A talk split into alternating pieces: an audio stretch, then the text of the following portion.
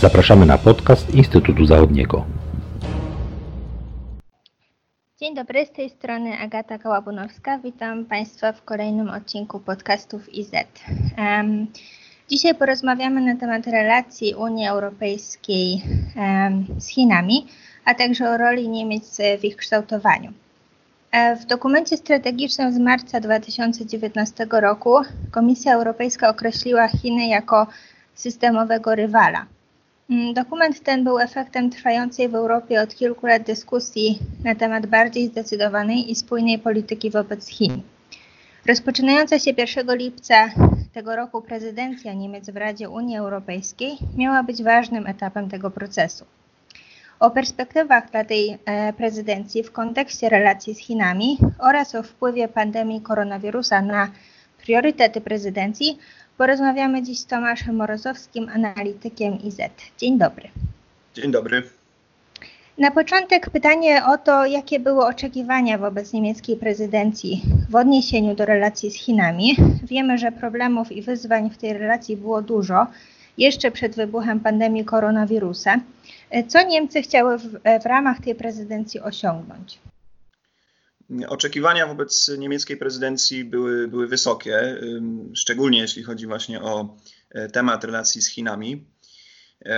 Z Niemiec już wcześniej pochodziło wiele impulsów w dyskusjach na temat właśnie europejskiej polityki wobec Chin. Były to dyskusje na temat kontroli inwestycji chińskich, które były realizowane e, coraz intensywniej w Europie i w Niemczech, na temat polityki przemysłowej. Tutaj e, ważna inicjatywa niemiecko-francuska. Bardzo aktywny udział w dyskusjach na ten temat brało Federalne Ministerstwo Gospodarki, e, ale też organizacje gospodarcze w Niemczech, takie jak Związek Przemysłu Niemieckiego. I tu warto podkreślić, że już wcześniej, zanim właśnie pojawił się dokument Komisji Europejskiej mówiący o systemowym rywalu w odniesieniu do Chin, to właśnie e, Związek Przemysłu Niemieckiego opracował dokument, gdzie również mowa była o tym, czy, czy Chiny to, to, to partner, czy systemowy konkurent dla Unii Europejskiej. Także e, ten aktywny udział Niemiec e, w tych, w tych dyskusjach e, predestynował, można powiedzieć, Niemcy do tego, aby w trakcie prezydencji podjąć zdecydowane kroki i w kierunku właśnie takiej bardziej spójnej i zdecydowanej polityki europejskiej wobec Chin. To oczywiście jest też spowodowane interesem samych Niemiec. Chiny to ich największy partner gospodarczy i handlowy. Niemcy są również dla Chin najważniejszym partnerem w, Unii Europejskiej. Dlatego na pierwszym planie w tych, w tych oczekiwaniach wobec prezydencji niemieckiej była oczywiście gospodarka. Tutaj oczekiwano kroków w kierunku wyrównania warunków relacji gospodarczej Europy z Chinami, zajęcia się kwestią dostępu firm europejskich do rynku chińskiego, aby ten dostęp był tak samo, tak samo otwarty, jak, jakim cieszą się firmy chińskie w Europie. Na pewno oczekiwano dalszych działań w kierunku kontroli inwestycji E, realizowanych przez e, przedsiębiorstwa chińskie w Europie, szczególnie w tych wrażliwych sektorach, a więc właśnie e, udoskonalanie powiedzmy tego mechanizmu screeningu inwestycji. Na pewno również oczekiwano poruszenia kwestii czy, czy uregulowania kwestii konkurencji na rynku wewnętrznym Unii Europejskiej i naruszeń tej konkurencji ze strony subsydiowanych przez państwo przedsiębiorstw chińskich czy ich dostępu do przetargów publicznych. Te wszystkie kwestie gospodarcze miały być ujęte w ramach porozumienia inwestycyjnego Unia Europejska-Chiny, e, którego, którego finalizację mm, zapowiadała wprost kanclerz Merkel. Miało być jedno z, z osiągnięć prezydencji chińskiej e, i chcia, chciano mm, właśnie sfinalizować i zaprezentować tą umowę podczas szczytu e, Unia Europejska-Chiny w Lipsku, który był planowany na 14 września. Dziś wiemy już, że ten szczyt w tym terminie się nie odbędzie. Ponadto od prezydencji niemieckiej oczekiwano mm, uwzględnienia oczywiście kwestii sieci 5G i udziału firmy Huawei w rozbudowie tej infrastruktury w Europie. Jak wiemy, państwa europejskie mocno różnią się e, w podejściu mm, do tego tematu. Również w Niemczech ta dyskusja była bardzo ożywiona. E, kolejnym tematem, który oczekiwano, że Niemcy na agendzie prezydencji umieszczą, były oczywiście prawa człowieka. Przed epidemią e, głośno już było o Hongkongu, gdzie, gdzie protesty były wówczas bardzo gwałtowne. Chodziło również o zwrócenie uwagi na sytuację mniejszości ujgurskiej w Chinach, która jest pod, poddawana tam e, represjom. No i e, to były, były i są trudne tematy dla Niemiec, które no, przyjmują mocno wstrzemięźliwą postawę, jeżeli chodzi o krytykę Chin w zakresie praw człowieka.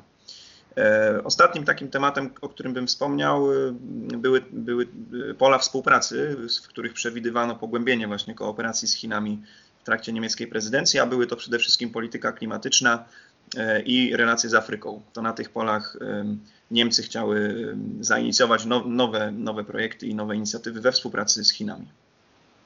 E, wybuch pandemii e, koronawirusa diametralnie zmienił priorytety Niemiec, e, jeśli chodzi o prezydencję w Radzie Unii Europejskiej. Mówi się o tym, że wiele zaplanowanych działań zostanie zepchniętych na dalszych plan. Tak się może stać niestety chociażby z polityką migracyjną i azylową.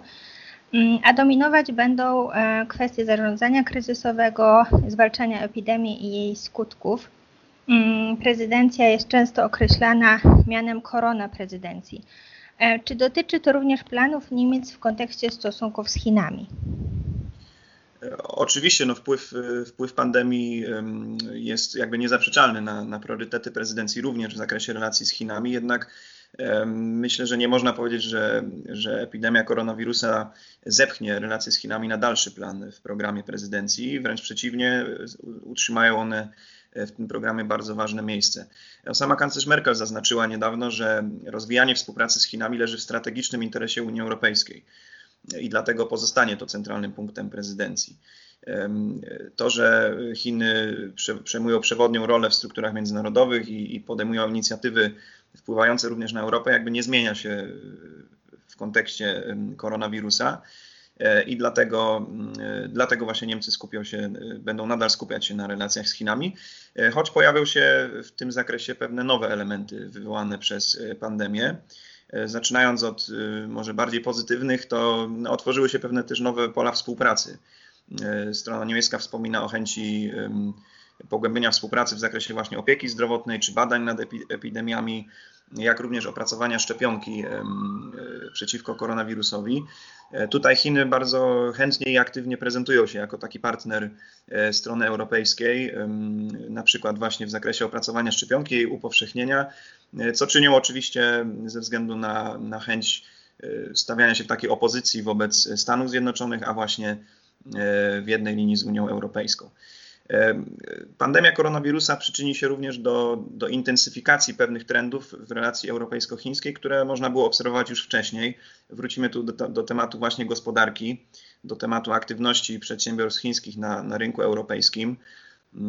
Pojawiły się tutaj pewne obawy o to, że właśnie kryzys gospodarczy wywołany pandemią e, wytworzy takie warunki dla przedsiębiorstw chińskich, które wyruszą na na podbój powiedzmy rynku europejskiego, będą wykupywać firmy europejskie po zaniżonych kosztach i uzależniać je od siebie. Nawet y, komisarz do spraw konkurencji Margrethe Vestager apelowała do państw członkowskich Unii o to, aby to one wykupywały mm, udziały w firmach europejskich, żeby ochronić je właśnie przed, e, przed przejęciami chińskimi. Tu jakby oczekiwałbym kontynuacji y, ze strony prezydencji niemieckiej działań, które już były podjęte wcześniej, o których mówiłem, czyli właśnie udoskonalenia mechanizmu screeningu inwestycji, czy regulacji, regulacji właśnie działalności tych subsydiowanych przez państwo firm e, na rynku europejskim. W samych Niemczech na przykład mechanizm e, tego screeningu został poszerzony właśnie o sektory opieki zdrowotnej czy firm wytwarzających leki czy też środki ochrony osobistej jako te sektory kluczowe właśnie dla funkcjonowania państwa w czasie epidemii. Jeżeli chodzi o wpływ pandemii na prezydencję, no to tutaj negatywnym czynnikiem jest z pewnością mm, utrudnienie jeszcze bardziej negocjacji wspomnianego porozumienia inwestycyjnego. One już nie były łatwe wcześniej, a w kontekście koronawirusa Chiny jeszcze bardziej utwardzą stanowisko i będą jeszcze mniej gotowe na, na ustępstwa y, wobec strony europejskiej, na przykład w kwestii właśnie wspierania własnych y, firm, czy też y, otwierania własnego rynku jeszcze bardziej na, na firmy europejskie. Już wiemy, jak wspomniałem, że szczyt wrześniowy nie dojdzie do skutku w Lipsku, co oznacza również, że e, to porozumienie nie będzie, mm, jego finalizacja nie nastąpi wówczas. E, obecnie mówi się o terminie grudniowym, jednak myślę, że szanse e, na to też nie należy ich oceniać zbyt, zbyt wysoko. Innym elementem, który pojawił się w kontekście pandemii, są działania dezinformacyjne Chin w Europie. W, w, można je nazwać działaniami w zakresie sharp power, czyli takiego zakulisowego wywierania wpływu na, na elity polityczne czy też gospodarcze, medialne w Europie.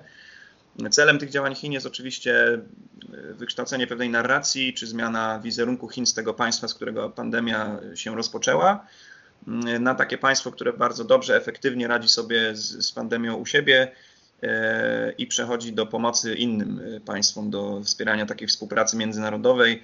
Wszyscy e, kojarzymy te obrazki dostaw sprzętu medycznego z Chin do, do państw europejskich.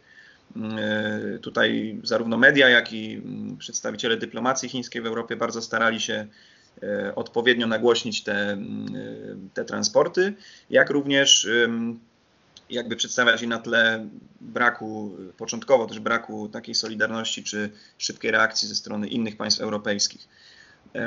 To ma pewne wyraźne konsekwencje dla Europy. No, y, słyszeliśmy również w mediach o e, problemach z, z raportem y, Służby Zagranicznej Unii Europejskiej na temat właśnie dezinformacji w Europie, który został, którego zapisy zostały złagodzone właśnie w, w obawie powiedzmy przed reakcją strony chińskiej.